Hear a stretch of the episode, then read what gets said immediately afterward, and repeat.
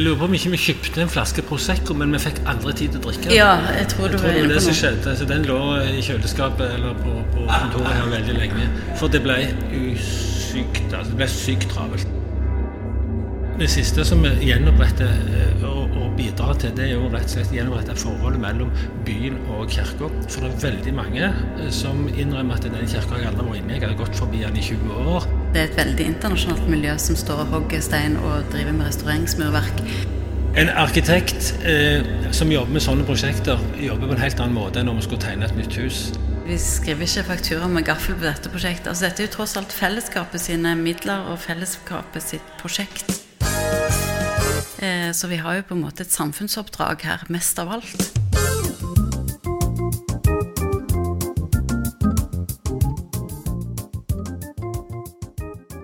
Velkommen til Ine og Dag sin podkast. Ja, velkommen til oss.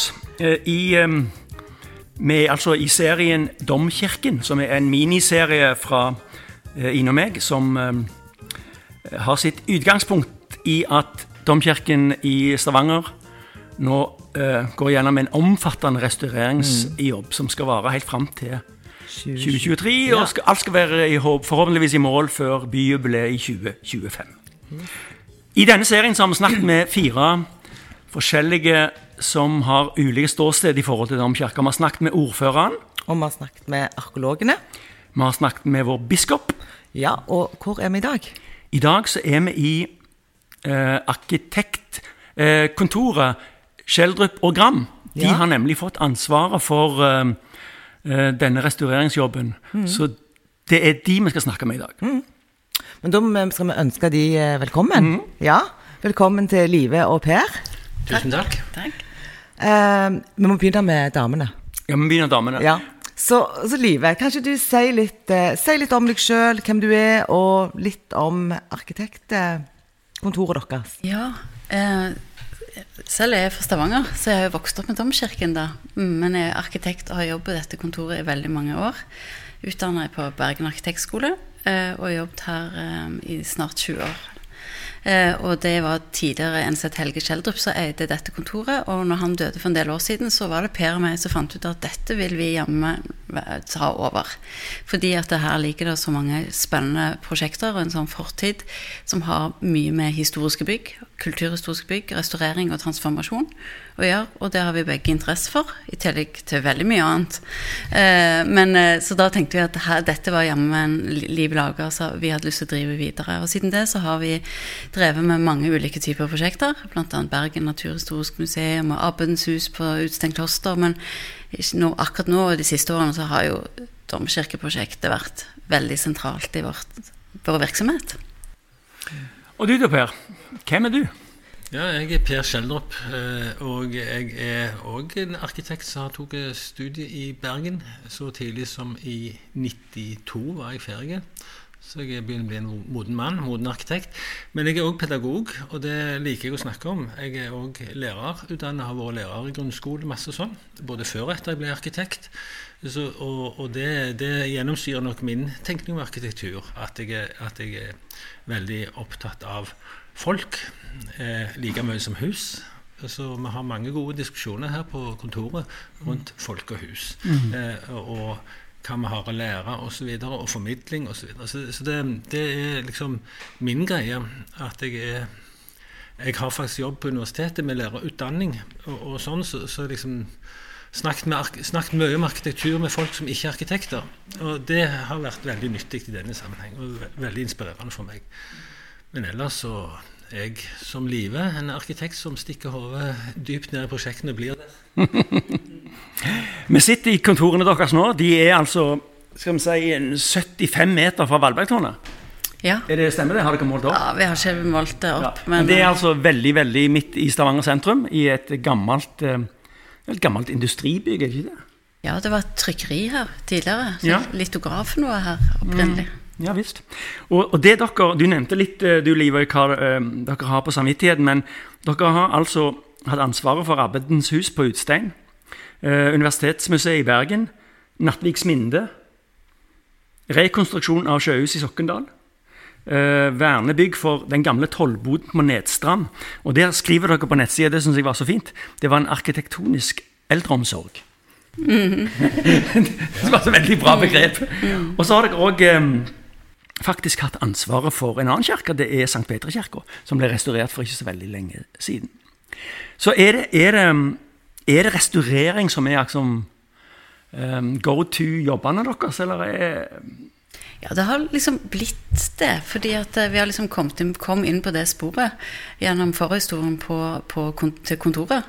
Og så har vi blitt ganske flinke på det, og vi har blitt interessert i det. Ja, Du blir på en måte fanga av det du er best til i et marked som, som hele tiden spør etter ekspertise.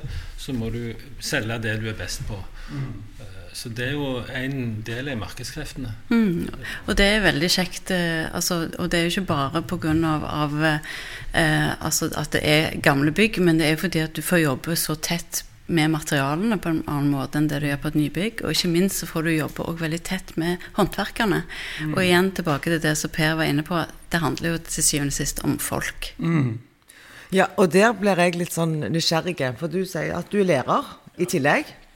Og klart at lærere altså Vi blir jo litt sånn prega av den skolen man går. Um, og jeg tenker jo dette med pedagogikken, det der med menneskene, det med menneskene, uh, at det at kanskje du klarer, nettopp fordi du er lærer, å ta med inn en, sånn, en ekstra dimensjon. Eh. Det kan, det kan være. Eh, når, når det ikke bare er lærere som kan mennesker. Eh, men, men, det er klart, det er jo en motivasjon for å bli lærer og en motivasjon som, for, for, å bli arkitekt. Og for meg så er det nesten samme. Samme gjerning. Eh, det, fordi at eh, det å gi mennesker hjelp på den reisen, det å leve. Liksom, det, det, er jo sånn, snakket litt sånn poetisk og fint, men, men allikevel så er, det, så er det min motivasjon da, for at livskvaliteten skal være så god som mulig for folk. Og, og, du snakker om disse med gamle husene, så tenker jeg ok, de er gamle, de kan være interessante. Vi kunne godt ha jobbet bare med nye hus òg. Men en enorm bonus for oss når vi jobber med gamle hus, er at de har allerede en historie å fortelle. Og vi skal ikke drepe den historien, vi skal bringe den videre til, til og gjøre det til en framtidsvisjon. Og, og, det å få jobbe med et sånt stort tidsspenn, der vi skal forvandle gammelt til å bli framtidsretta, det er en veldig spennende prosess. Det er veldig interessant, for at, det har jeg ikke tenkt på før. at uh, Når du bygger et nytt hus, så begynner du på en ny historie. Det er sånn åpne bare Kanskje huset skal passe inn i området sitt, eller noe sånt. Men eh, når du tar vare på et 900 år gammelt bygg, så er det jo ganske mye eh, historie som ikke skal vekk. Som kanskje noe skal forsterkes, noe skal forbedres. Og Nå er vi jo inne på det som denne serien handler om. Det er, det er jo Domkirka. Når fikk dere denne jobben? Altså Vi fikk den jobben vi lagde i 2013. Så lagde vi det som kalles en restaureringsplan, som ofte ligger et dokument som er, ligger til grunn for denne type prosjekt. Og Det er en plan som beskriver alle de oppgavene som må gjøres, og som da ender som regel med en kalkyle, et tall. Eh, og Så ble den lagt ut på offentlige anbud og sånne ting, og det var en konkurranse på den. Og så var vi da i den posisjonen at vi vant den konkurransen. Så det var i 2014. Mm. At vi ble liksom offisielt eh, restaureringsarkitekter for Stavanger domkirke. Da må, jeg, da må jeg bare spørre deg. Ja. Nå bare avbrøt jeg deg. Men når dere vant den eh, anbud, hva, hva, hva, følte dere da? For det må jo ha vært ganske sånn spesielt? Eller ikke?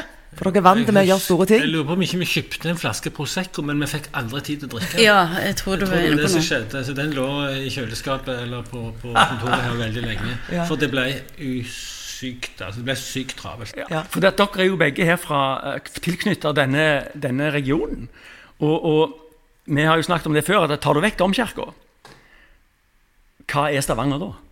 Altså Hvis du skulle fjerne ett bygg i Stavanger som ødela alt, så var det domkirka. Og, og, og, dere får da ansvar for å ta vare på den. Eh, det må jo være spesielt for jeg håper å si, eh, siddiser.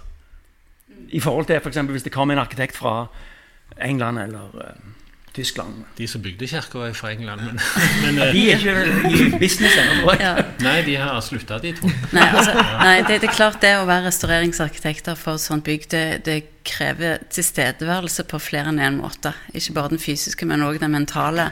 Så jeg tror at vi, vi, har en fordel at det er arkitekter fra regionen som på en måte skjønner hva den har av betydning for, for identiteten til byen og til folkene her. Men vi snakker jo i dataspråk om å relinke. Altså liksom få opp igjen eh, forbindelse mellom et bilde og en fil eller et eller annet. Og, og, og sånn snakker vi litt om, om folks forhold til domkirka òg. At eh, vi restaurerer ikke bare domkirka som et objekt, som et historisk objekt. Vi restaurerer òg håndverkerens kompetanse til å holde den kirka. Eh, det er ekstremt viktig element som nesten ingen vet om, at håndverkeren har tapt denne kunnskapen og, og må egentlig bygge den opp igjen fra bunnen av gjennom praksis. Eh, gjennom å prøve, feile og være i et fellesskap av håndverkere.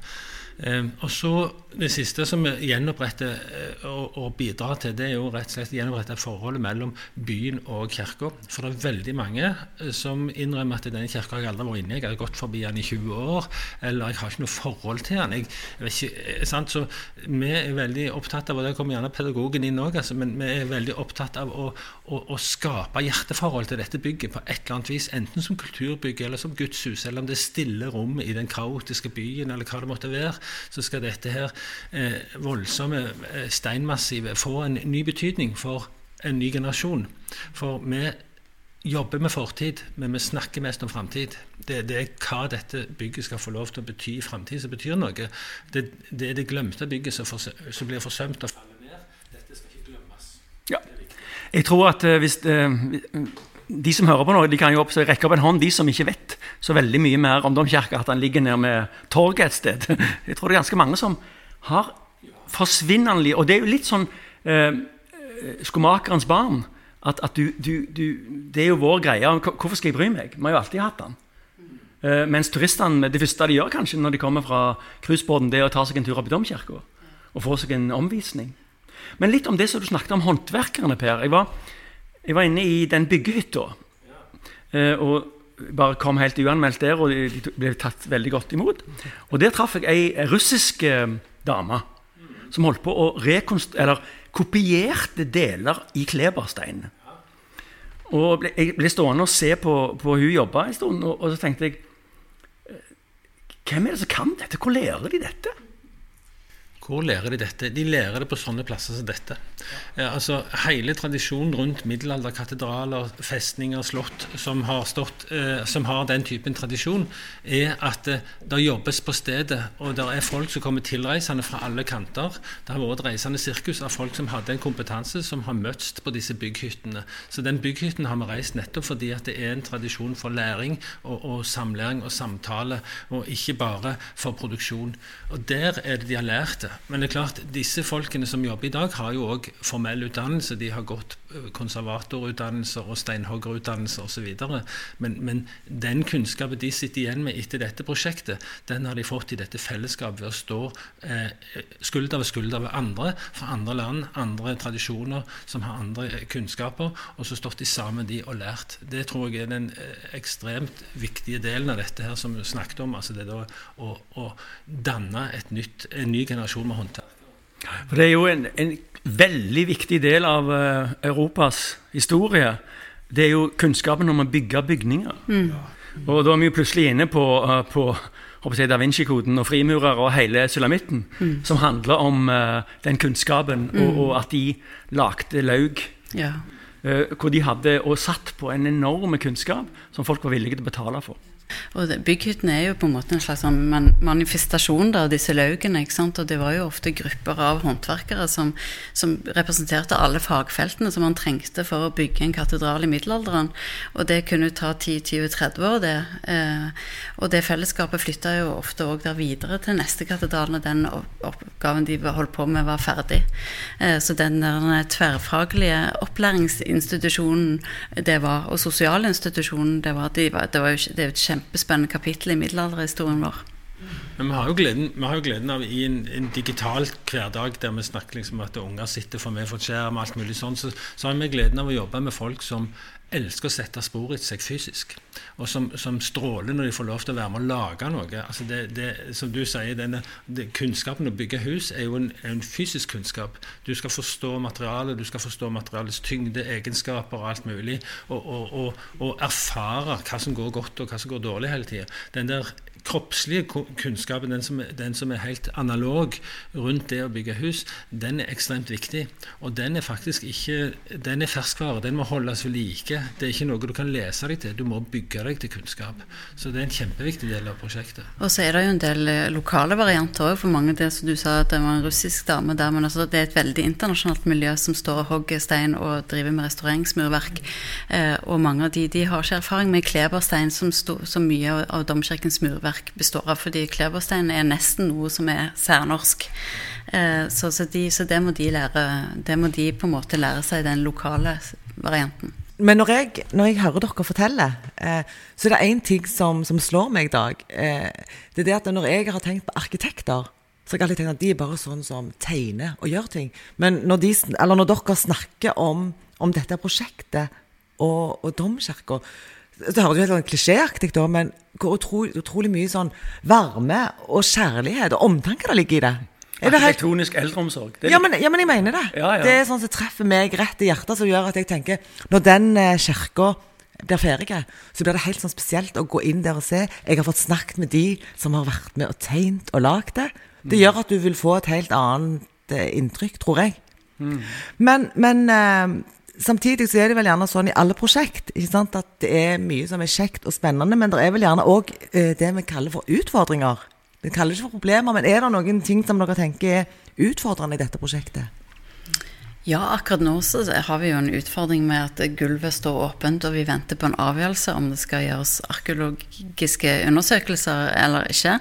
Så sånne ting er jo en utfordring. Og det er jo fordi at det er så mange eh, myndigheter her eh, som skal mene og godkjenne, og så har vi mange ulike brukergrupper.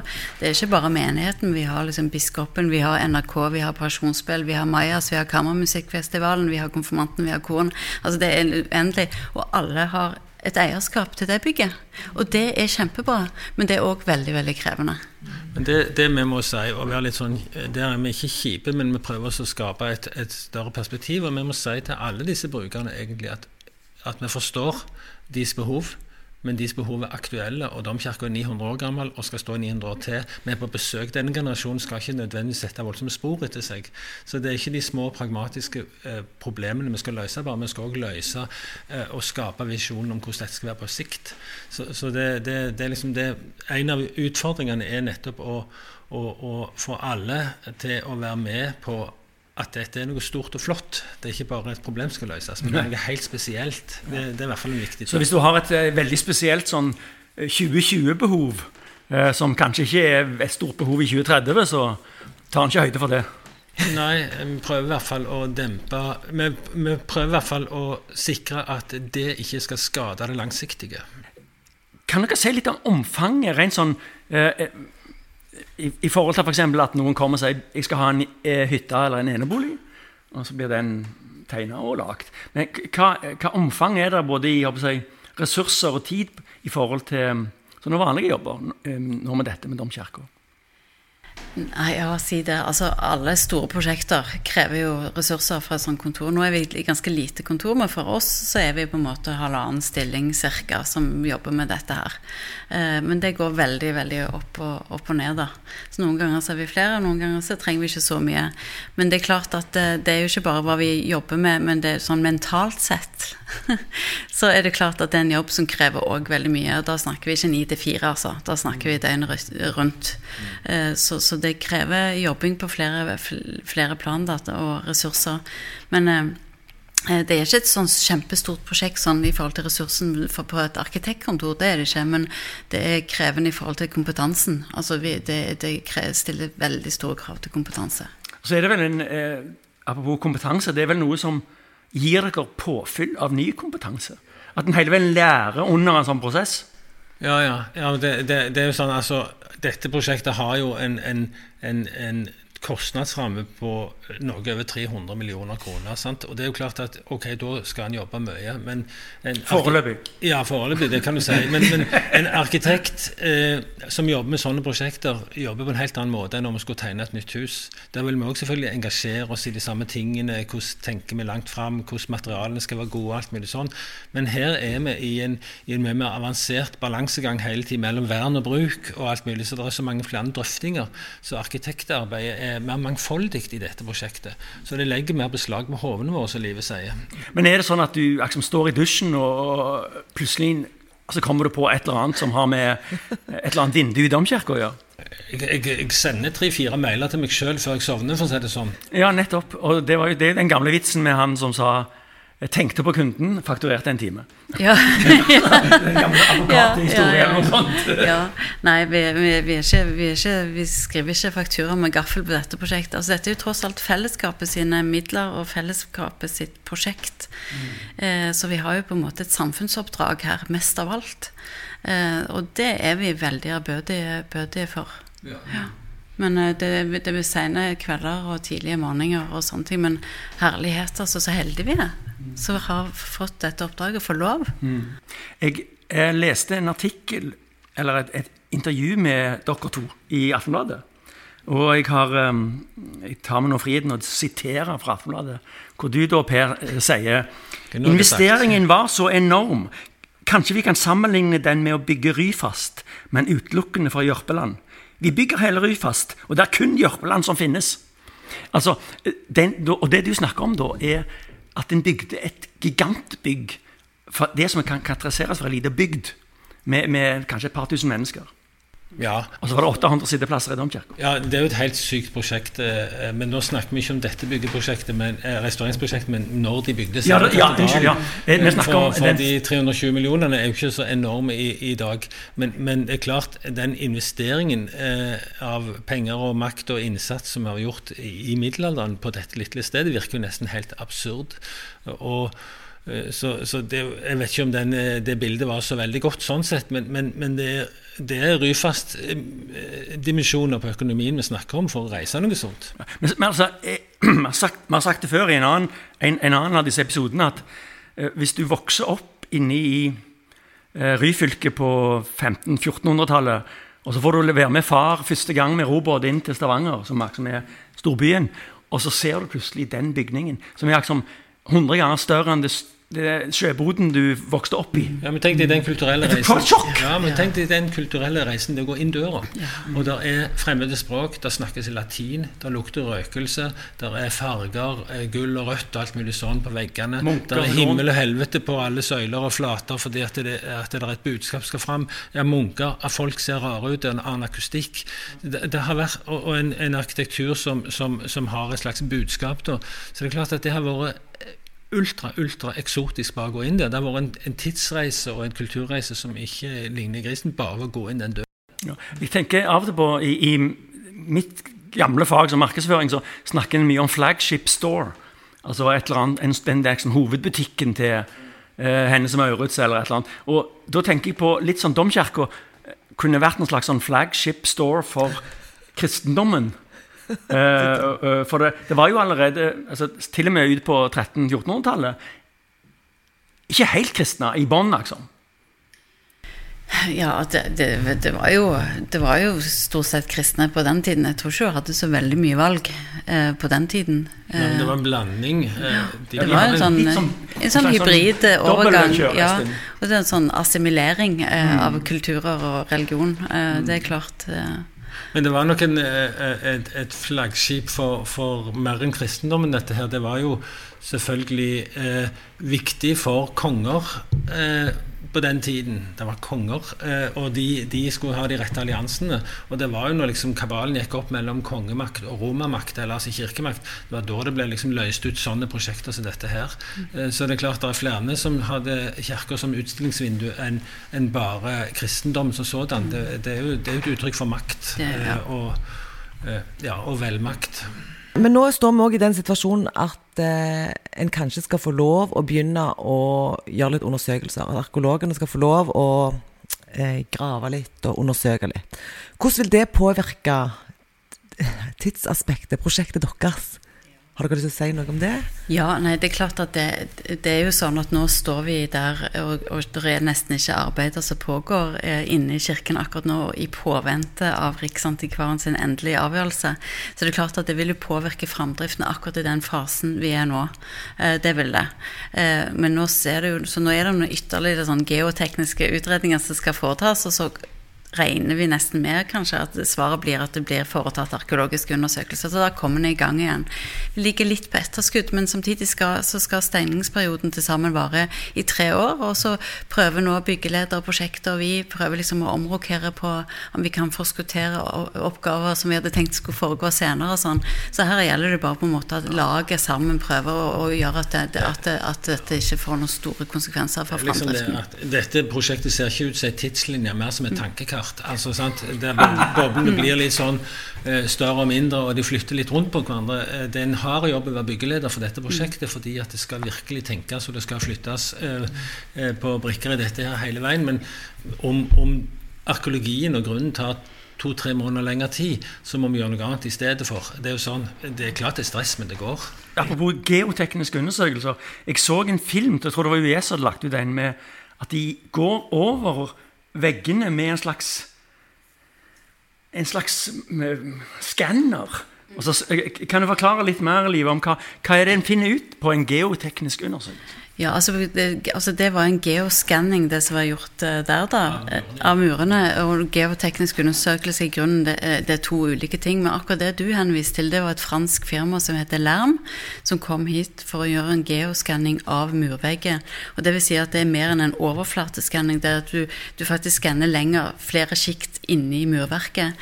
Og det handla om at da var vi på et tidspunkt hvor vi var, skulle diagnostisere murverket sin tilstand.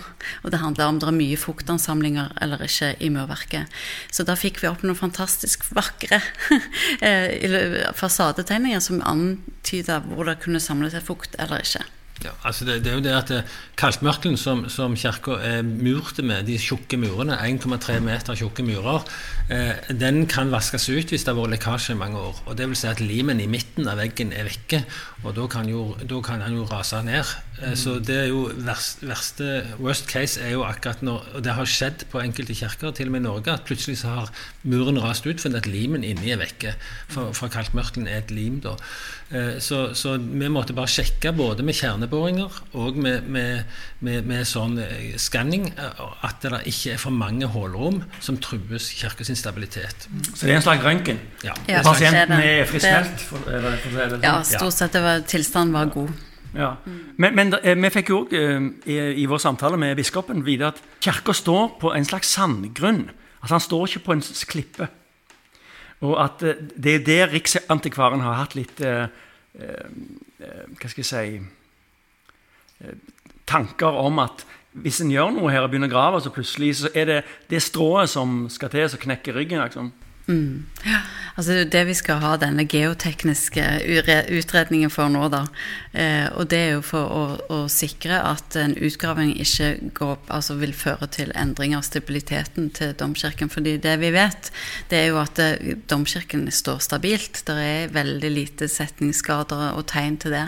Eh, men det er klart når du begynner å grave i grunnen, så graver du ned. Eh, og da må vi sikre at ikke vi ikke gjør noe videre skade ved de utgravingene. Ja. Det er med god margin, og vi skal ikke utfordre men, eh, men, vi har jobbet med mange store murbygg, og vi vet veldig godt hvor ufattelig synlig det er på bygget når det begynner å svikte i grunnen. Da revner jo bygget. Så domkirka har ikke revna. Nei, mm. Det er ingen, ingen tegn til at, at, det står vippe på en uh, bakkekam akkurat. Nei. Nei. Men når uh, Det er 2023, ikke sant? Det er da kirka skal være ferdig? Påsken er beregna innflytting, holdt jeg på å si. Ja. Hva vil, vi, hva vil, vi, se? Hva er det som er nytt? Eh, vil hvordan vil vi se Domkirka? Ja, altså det Prosjektet er ferdig i 2025 med byjubileum, så vi har en igjen i påsken 23. Og det som vil være eh, den største endringen der for folk flest, det tror jeg vil være bl.a. Eh, en del nye ramper, rett og slett. Eh, blant annet. Og det er jo fordi at eh, vi prøver å gjøre Kirken tilgjengelig for alle. Så, at alle skal få lov å komme inn i bygget på samme måte, altså via hovedinngangen. Og de som kjenner bygget, ser at allerede ved hovedinngangen er det trapp, så du beveger deg gjennom et landskap fullt av trapper. Så det er vår oppgave å håndtere på best mulig måte, sånn at alle kan komme inn hovedinngangen og gå til alters, til høyalteret. Ja, men vi, snakker, vi snakker fram han eller hun som, som er i rullestol, skal, som skal følge brudeparet helt opp og helt ned med en, en verdighet. da Og, og da, blir, da blir jo forskjellige hjelpemidler veid opp mot hverandre. Skal vi ha en sånn elektrisk heis som står og durer, og så må hele følget stoppe opp fordi at nå skal mor trykke på knappen og komme opp? Eller, eller skal vi ha en rampe der vi liksom gjennom fellesskap og litt hjelp kommer opp, eh, og sånn at det, sånn at det blir en, en, en god reise for alle? Eh, så det, det, har vi snakket en del om. Mm. Og den må begynne ute på plassen foran domkirka, og må ende opp med, med alteret. Vi kan, mm. Intet mindre er godt nok, syns jeg. Mm. Ja. Og så er det eh, snakk om eh, nye trapper, altså selve inngangs parti, altså det, det som er si, de første meterne foran kirka? Ja, også, eh, altså, det blir en litt sånn utvida hovedtrapp, da, eh, og som er òg der en rampe. Eh, så, som, som, vil ønske folk velkommen på ny, men, men forhåpentligvis en veldig fin og tilforlatelig måte. Og så vil det jo òg bli en del endring innvendig i kirken, eh, bl.a. i form av litt annen type eh, al altså alter. Hovedalteret i dag kommer til å bygges om. Og i tillegg så kommer vi til å bygge et eh, fremskutt som vil stå lenger fremme i kirkerommet. Eh, fordi at eh, i dag er det sånn at når presten står ved høyalteret, så står de veldig veldig langt fra menigheten. Og det er òg dette fellesskapet og flokken er, er, litt viktig. Eh, og dette er jo ikke noe vi kommer med som arkitekter, men vi syns det er en god idé. Men, men, det er jo at en lang og tett brukerprosess med menigheten og, og bl.a. biskopen, da selvfølgelig. Og døpefonten kommer sannsynligvis òg til å komme ned på liksom gulvet i, i skipet, ned i flokken igjen. Og ikke stå på scenen eller opp mot koret der. Blir det den samme døpefonten? Det blir sannsynligvis den samme døpefonten, ja. Så. Og så er det dette med, dette med varme. Vi, har funnet ut at De stengte jo kirka i 2018 og 2019, eller noe sånt, det var beinkaldt. Og folk, uh, alt varmen lå under takbjelken et eller annet sted. Mm. Uh, og nå skal det være gulvvarme. litt sånn som de finflotte badene våre. Mm. Det skal det. Ja, De fine, flotte badene våre er enda litt varmere enn det vi får til. For der kan vi av og til skru opp når vi trenger å steke til den litt. Men, men, eh, men i domkirka så skal det, denne varmen ligge under et tregulv. En, en, gjenbruk av det tregulvet som er i dag. Og, og da er det begrensa hvor høy temperatur du kan ha. Men det vi i hvert fall oppnår, det er at istedenfor å være en kald flate og trekkfull flate som, som produserer dårlig komfort og, og, og sånn, så, så blir det en flate som er lun. Og det er i hvert fall en god start. Men, men, vi vil fremdeles opp, eh, oppleve at på de aller kaldeste dagene, vinterdagene, så er oppvarmingen problematisk. Vi må skru av oppvarming for å ikke ødelegge epitafiene. For det har med fukt å gjøre, ikke med temperatur å gjøre. Så det er en konflikt mellom vern av epitafier og prekestol og komfort for brukeren. Men, men, det gulvet som på en måte blir lagt, det er det samme gulvet som, mm. som lå der fra før? Samme, ja. samme gulvbordene, men det blir ja. høvla og Ja, ikke sant? Og, og, Sånn, det at da, Hvis det blir for mye varme, så blir det ødelagt. Det er så mange ting som du ikke kommer på. Jeg tenkte det bare var sånn Nei, nå bare det var kjempebra. Det blir det godt og varmt i domkirka. Så klikkparkett ville du hatt? Nei, nei, nei. jeg tenkte ikke det. Jeg tenkte jo det at det gulvet skulle være, men at alle sånne hensyn som dere hele veien sier, det er ikke sånn som man kommer på. Nei. Og så er det jo òg gjort noe med eh, Jeg så Det var òg en liten film som lå på, på eh, universitetets nettsider. Det kan jo folk bare gå inn og se. Eh, så er der eh, De holder på å restaurere en dør. Eh, eh, og Det var vel den døren som tok litt fyr i forbindelse med det brannpåsettelsen. Ja, det var en, en, sånn, noen som prøvde å sette på uh, tenne på sørinngangen. Det var ikke i forbindelse med trærne som Nei, brant. Så dette var en annen. Det var en tidligere. Ja. Mm. Men ved selve hovedinngangsdøren, den som vender ned mot torget, eh, skal den òg gjøres noe med? Ja, så alle dørene skal og resta gjennomgående restaurering. De skal det. Så, så det vil, men det vil være de samme dørene, så de vil bare på en måte pusses opp og tas godt vare på. Mm. Så de vil ikke fremstå som noe endra på noen måte. Jeg så de gikk løs på de med vinkelsliper på hengslene. og tenkte jeg ja. Det var, det var veldig ja. De, er godt, de, er ikke, de er ikke skrudd i hop, de er jo nagla i hop. Det er sikkert folk med kompetanse fra Rosenberg som har fått satt de sammen, disse her. Eh, ja, men vi regner med det. altså det er jo Smedkompetansen i Stavanger har jo vært veldig mye rundt, rundt Rosenberg-miljøet. Og det er klart at eh, hvis det var noe de kunne, så var det å klinke sammen noe. Mm. Så det, var, det går en linje fra Rosenberg til Domkirka? Eh, ja, i denne lille byen så går det linjer overalt. Det skal jeg love deg. Den, den, når vi jobber så tett på disse fagmiljøene som virkelig kan annen ting, så vi treffer vi mye av de samme folkene gang på gang. Mm. Mm. Ja. Ok. Um, jeg tror vi må runde av. Uh, tusen takk til Live og Per. Og uh, at dere ble med oss i podkasten. Um, vil du si noe, Ine? Jeg Ja, jeg, vil- ja, jeg- og jeg vil bare ønske dere masse lykke til videre. Og vi gleder oss så sinnssykt til å se kirka når han står ferdig. Ikke for å lage sånn, skape sånn prestasjons... Eh. ja. Ok, hvis det, ja. flott. Hvis det, du som hører på har lyst til å vite mer om um, det som foregår, så kan du gå inn på Stavanger domkirke 2025.no. Det er en nettside som er oppretta for dette restaureringsprosjektet. Vi kommer òg til å legge ut noen bilder på Facebook-sida vår. Og inne i selve episodene så vil det òg ligge noe informasjon og bilder. Vi skal, eh, jeg sitter her og ser på et veldig flott modell av domkirka i, i tre. En tremodell. Den skal jeg ta et bilde av og legge ut under pod-episoden. Så takk for oss. Ha det bra. Ha det.